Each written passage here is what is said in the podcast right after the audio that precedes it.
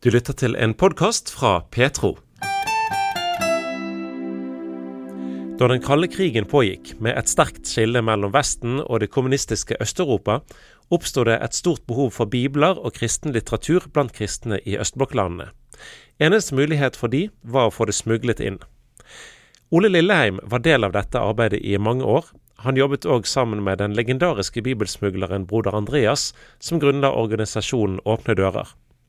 Ole Lilleheim sitt engasjement for forfulgte kristne startet tidlig. For meg så starta det allerede i 1974, da broder Andreas var på en misjonskonferanse som ble arrangert av Misjon bak jernteppet, det som i dag er Stefanusalliansen. På siste møte så kommer broder Andreas med en oppfordring.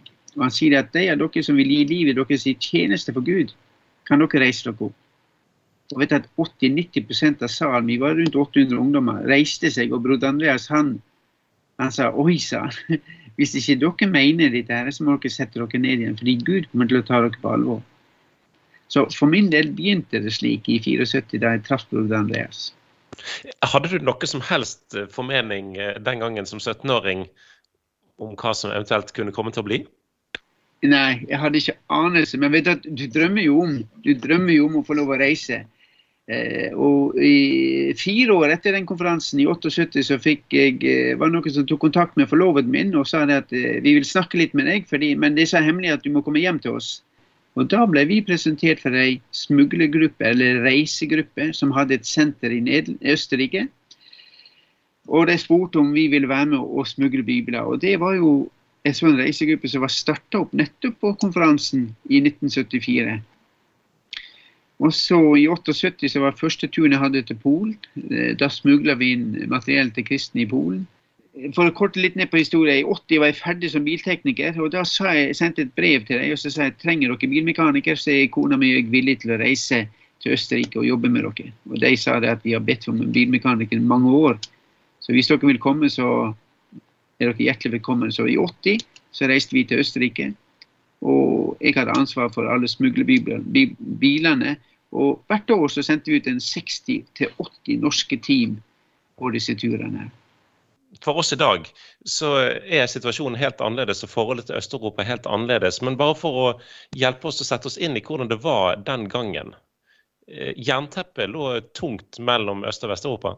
Ja, det var, og det var umulig for de kristne å skaffe egne bibler. Den eneste måten å, å få det på, var å smugle det inn Eh, både bibler og materiell undervisningsmateriell gjennom disse grensene. Og da var det smuglerbiler som, som ble brukt.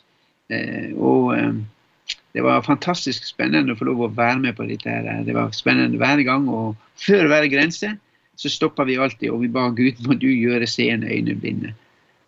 Og at vi kan komme gjennom med dette. her. De ba altså om Guds hjelp til å komme gjennom grensepostene uten at vaktene på grensen skulle avsløre de og finne biblene de hadde med seg. Det å krysse grenser var nemlig et av de farligste og mest nervepirrende punktene underveis på en smuglertur. Som bilmekaniker var Ole Lilleheim òg del av et team som bygget om kjøretøy, sånn at bibler og annet materiell kunne skjules i hemmelige hulrom i det som ble spesialtilpassede smuglerbiler.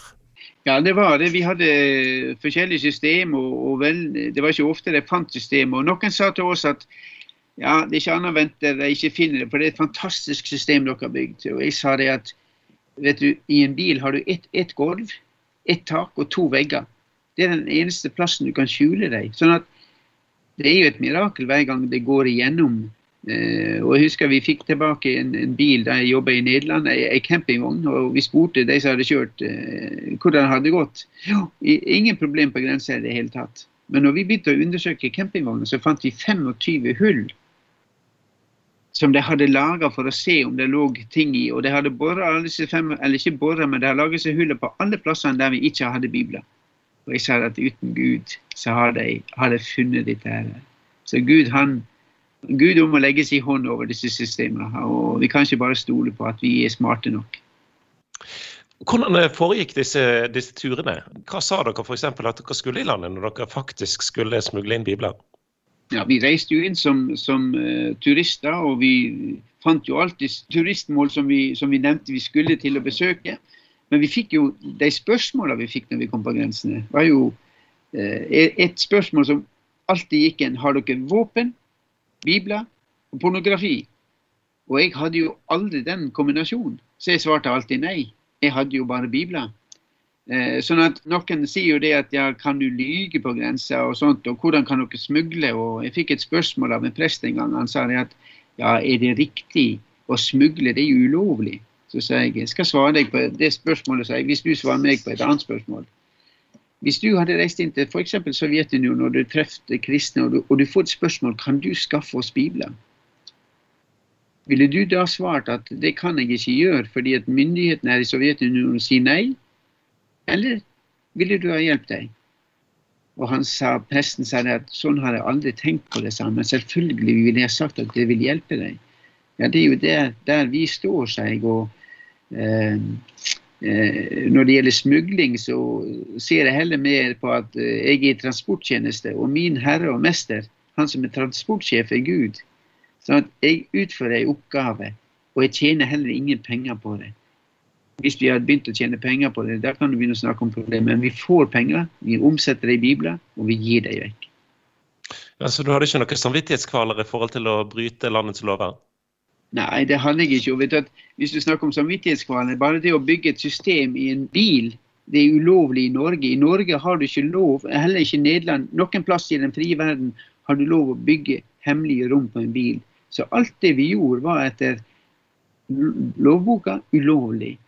Eh, men det var den eneste måten vi kunne gjøre for å få det inn på. Og vi brukte bare de til å smugle Bibelen. Du nevnte en bønn som, som, eh, dere pleide å be når dere skulle over grensen og vakter skulle slippe dere eh, gjennom. Gjør seende øyne blinde, var det det? Ja. Dere hadde jo òg et lite triks, og det var barnevogn. Ja, det var i Øst-Europa. Eh, menn og, og, små barn altså de er veldig eh, glad i unger. Og ofte Kristine, som da var ei lita jente på, på 80-tallet, hun var født i 80, sånn i 81, 80-81, når vi hadde henne med på tur, så lå hun i barnevogna si. Og når vi kom på grensa, da, så satt vi den barnevogna slik til at når de skulle åpne opp bilen og undersøke bilen, innvendig. Så det første de møtte, var ei lita jente som lå oppi vogna og sov. Og da smelta det fullstendig, fordi de ville jo ikke vekke den lille jenta. Da var det forsiktig, lukte døra forsiktig igjen, og så sa de OK, det er greit, dere kan kjøre videre. Og eh, Den beste plassen da vi skulle ta ut bilder og materiell eh, som vi måtte ta ut fra disse landene her, det var å legge under madrassen til Kristine. Kristine har nok eh, vært det, Hun ble nok brukt mye, og det var mye materiell og bilder fra forfulgte kristne som ble smugla ut under madrassen til Kristine, for vi visste det. Det ville aldri vekke henne for å undersøke vogna hennes. Hvor risikabelt var det å skulle smugle bibler inn i kommunistiske eh, østblokkland? Ikke for oss som smugla, så var det ikke så risikabelt. Men som, de som tok risken, var de som tok imot. Jeg har en kamerat i Nederland som ble arrestert inn til Sovjetunionen eh, rett etter Tsjernobyl-ulykka. Eh, og de satt tre dager eh, i husarrest i et hotell, og så ble de sendt hjem, hjem igjen. Men det var jo kjempetøft for dem å sitte der. De, han sa det, Klas som han heter, han fortalte det, de ante ikke utfallet på det. Det var de tre dager så ble det sendt ut. Men som sagt, vi risikerte lite i forhold til de som tok imot. Det var de som risikerte veldig mye. Derfor var vi jo veldig forsiktige. Hva slags betydning har det hatt for eh, deres kontakter i Øst-Europa, det å få Bibelen og det materiellet som eh, dere eh, tok med inn? Ja, vet du, De venta jo på at vi skulle komme de satte sin lit til at, eh, at, vi hadde sagt at vi skal prøve å få det inn. Og, og jeg glemmer aldri det var en gammel dame som fikk en bibel. Og hun, hun, hun, hun tok den bibelen og kyssa den og satte seg på, på, på, på, og la den på fanget, og så folda hun hendene over, og så begynte hun å be. Og jeg tenkte, jeg tenkte litt når jeg så det, ja, det var kanskje litt overdrevent, ikke sant? Men for dem, de jubla når de fikk det. Og de sa Guds ord, dette er det som holder oss oppe. Det er dette her vi får lov å vite hva Guds plan med verden er. Det er her han får, han får lov å forme og danne oss. Eh, så de var, de, de, de var, jublende glade når Guds ord kommer. Har du noen, eh, noen, minner fra denne tiden, noen turer som uh, satte spesielt uh, seg fast i, i hukommelsen din? Ja, det er flere turer. jeg har, en av dem er vel det at ja, vi snakker om at Gud hører bønn. Og Av og til så tenker vi at Gud hører de viktige tingene, og sånt, men Gud hører alle bønner. og Jeg var oppe i, i Romania, vi var ute på et sånt prosjekt S. Det vil si at eh, Biblene ble smugla inn med en, en, trailer. og Vi skulle møte traileren inne i landet, og så skulle vi ta imot 2000 bibler. Og så skulle vi reise rundt i landet og distribuere disse biblene i løpet av ei uke. For det var ingen i Romania som kunne ta imot så mye bibler på en gang. Så vi måtte reise fra plass til plass. På den turen som jeg tenker på nå, så ble han eh, vennen min veldig syk. Han, han, fikk mageproblem. Og, og, eh, det kom eh, var slik at Han sa det at 'jeg har hatt dette før', og Ole, sa han, 'jeg må ha Coca-Cola'. Det er eneste, for jeg klarer ikke å holde på noen ting, men jeg må få Coca-Cola. Og Jeg så på han og sa at 'vet du hvor du er henne'? Vi er høyt oppe i Karpatene i Romania. Her er ikke Coca-Cola å få kjøpt. Ja, men Ole, du må stoppe bilen. Han lå bak i bilen. Og sa han, du må stoppe bilen, vi må be. Og jeg, jeg, sa til han, ja, jeg skal stoppe bilen. Og jeg kom bak og satte meg ved siden av senga hans og sa Gud, jeg skal be seg. Og Den bønnen jeg ba, jeg sa Gud, du har sagt at vi kan bringe alle ting frem for deg. Og nå ser du at Kurt spør etter Coca-Cola. Kjære Gud, kan du gi oss Coca-Cola? Amen, sa jeg. Det var det jeg sa. Og jeg sa til Kurt at nå har jeg bedt Kurt, men jeg må ærlig talt innrømme at det er nesten et utrolig spørsmål. Men jeg må kjøre videre. Og så han lå bak, og jeg gikk frem og begynte å kjøre. Og, langt oppe i fjellet var vi. Og plutselig så ser jeg en bil lenger foran. Og det er jo den han, kollegaen min som smugla disse biblene som vi hadde truffet. Vi var ferdige å levere alle, alle, alle, biblene. Men han skulle ikke ha vært der. Og jeg, jeg ser han komme mot meg. Jeg stopper han, og han ser oss. Så stopper han og så spør jeg, hvor skal du hen, Kåre? Du skulle ha vært opp mot Polen du nå. Ja, så sa han det at han var temmelig irritert. Han sa det at ja, jeg skulle ha vært oppe i Polen, men det er omkjøring. Jeg må kjøre flere timer, fire timers omkjøring via fjellet her, sa han. Og jeg er litt frustrert, sa han. Og mens jeg sto på bakken og ser opp på Kål, så sier jeg, kommer på dette med cola, så sier jeg, Kål, har du Coca-Cola, sa jeg. Og Kål han tar hånda bak setet, og så løfter han opp en hel handlepose med colabokser. Så sier han, her. Og da begynner jo jeg å gråte. Så sier han, hva er det, Ole? sa. Men så forteller jeg han hva at ti minutter før der så hadde vi bedt om at Gud gir oss Coca-Cola. Og Da begynner Kår, kommer tårene på Kår, så sier han Ole sa for fire timer siden så ble jeg omdirigert. Og jeg har vært så irritert og provosert på at Gud, hvorfor gjør du dette? Fordi jeg taper så mye tid. Men nå, sa han, nå forstår jeg hvorfor. For fire timer siden så visste Gud at dere kom til å be nå. Så han sendte meg før dere begynte å ba, sa han.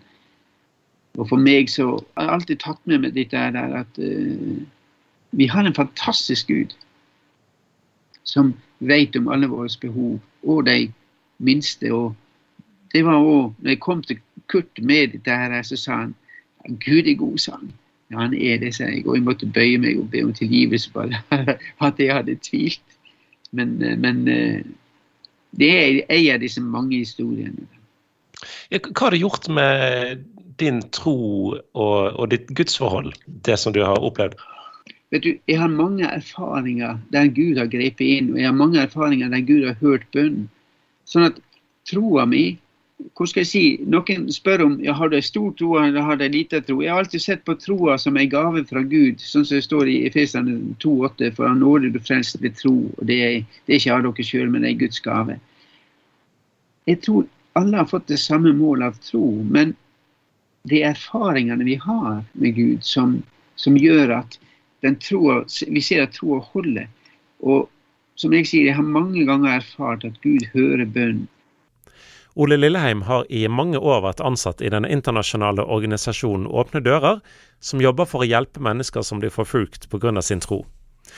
Organisasjonen ble stiftet i 1955 av den legendariske bibelsmugleren broder Andreas, eller Anne van der Biel, som han egentlig heter.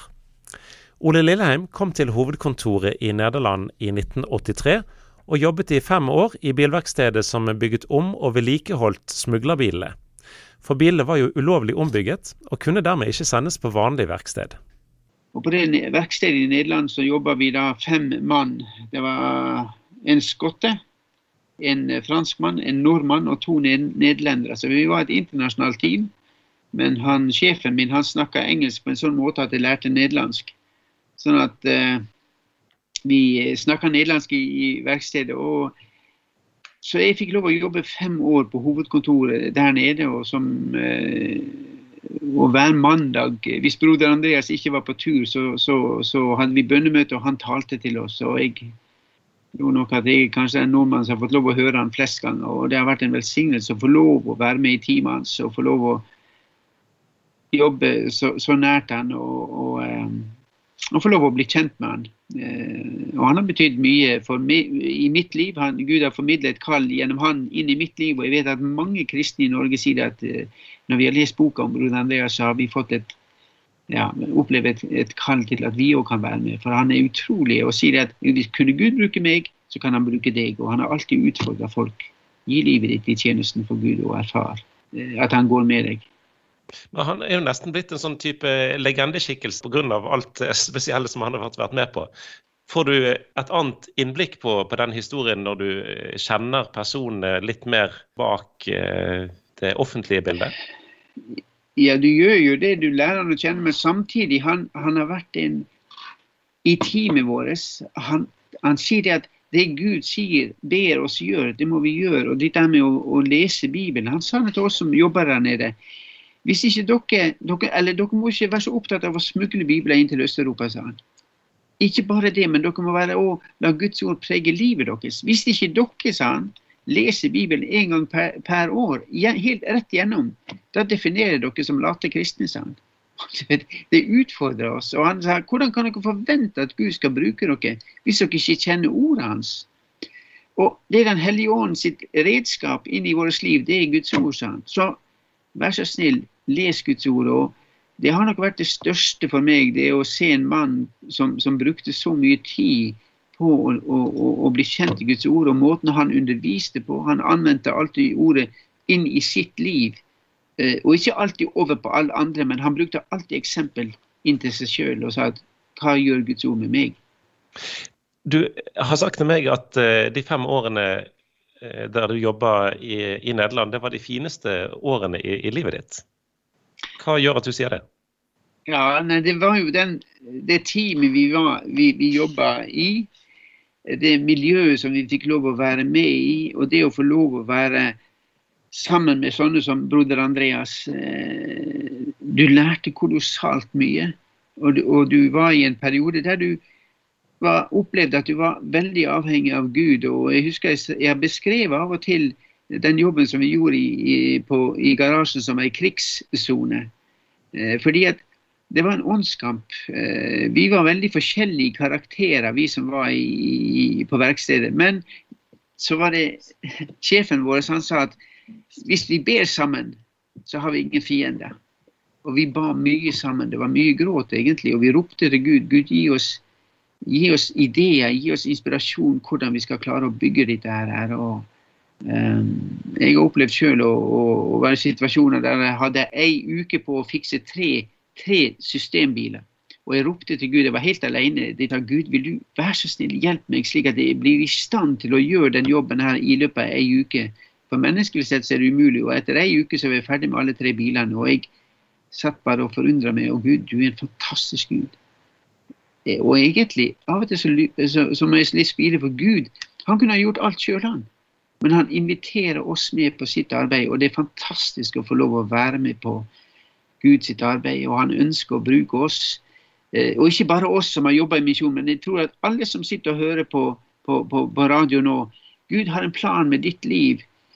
Og du må, du, må, du må, gjøre alt det du kan for å være i den planen. Fordi at Hvis du er i den planen, så får du lov å erfare at du tjener en levende Gud. Og Han kan bruke deg, og han ønsker å invitere deg inn i sitt arbeid bli med. Det er utrolig spennende å, å jobbe sammen med Gud. Din historie begynte, altså den, Denne delen av din historie begynte altså som 17-åring. Du uh, reiste deg opp og ga respons etter en tale fra broder Andreas. Hva ville ditt råd være til andre som er 17 og står foran livet, eller andre som er midt i livet for den saks skyld? Hvis du aldri har sagt at Gud, jeg ønsker å bruke livet mitt i tjeneste for deg, så syns jeg at du skal si det. Gud bare venter på en sånn uttalelse fra oss. For Gud han er ikke en som trenger seg på oss. det, det, jeg kan si, at jeg har så mange erfaringer sammen med Gud at når Han får lov å gripe inn i, i livet vårt, så får vi lov å oppleve at han, han, bruker oss.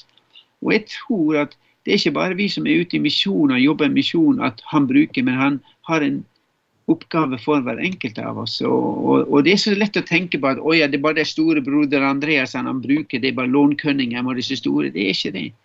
Han inviterer deg og meg inn. Du sa eh, nett i sted at eh, se til at du er i Guds plan.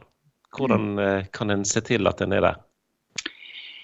Jeg tror eh, Guds plan eh, Hvis du holder deg nær til Gud altså på den måten at du har et fellesskap, åndelig fellesskap, du leser Guds ord, eh, og du lar Den hellige ånd lede deg, så tror jeg at, eh, at eh, det å være i Guds plan det kan bli ei krampe òg. Jeg husker da jeg som 17-åring sa at jeg ønsker å tjene deg. Og da jeg har aldri vært i krampe at nå må jeg passe på nå må jeg passe på å være Guds ledelse. Jeg har vært i bevegelse. Jeg har da jeg skulle bli bilmekaniker, så sa jeg til Gud jeg har lyst til å bli bilmekaniker, Gud. Men hvis ikke dette er din vilje, så må du lede meg inn på noe annet. Og så gikk jeg den veien. Og jeg tror det å være i Guds ledelse handler mye om å være i bevegelse. Eh, og tørre å ta steg. Og så får vi tro og erfare at Gud leder oss inn. Og Jon Kompanjen, som var verdensleder for Open Doors, eh, han sa det at når det gjelder ledelse, så, er, så vil jeg gi dere et bilde på et, et lite skip, sa han. Et lite skip blir styrt av et lite ror bakerst. Altså at Det skipet kan du styre så lenge det skipet er i bevegelse. I det øyeblikket skipet stopper opp, så, det, så det, blir det påvirka av ytre krefter. Bølge, vind. Og da kan ikke du styre det skipet. Og På samme måte er det med deg og meg. Vi må være i bevegelse. Når vi er i bevegelse, så kan Gud lede vår gang. Men hvis du stopper opp og står stille Gud, led meg. Og hvis ikke du begynner å bevege deg, Gud, har ingen sjanse til å lede deg da. Det handler om å være i bevegelse og ta et steg. Troa sitter ofte i beina, var det en som sa. Vi må gå. Du har hørt en podkast fra Petro. Du finner masse mer i vårt podkastarkiv på petro.no.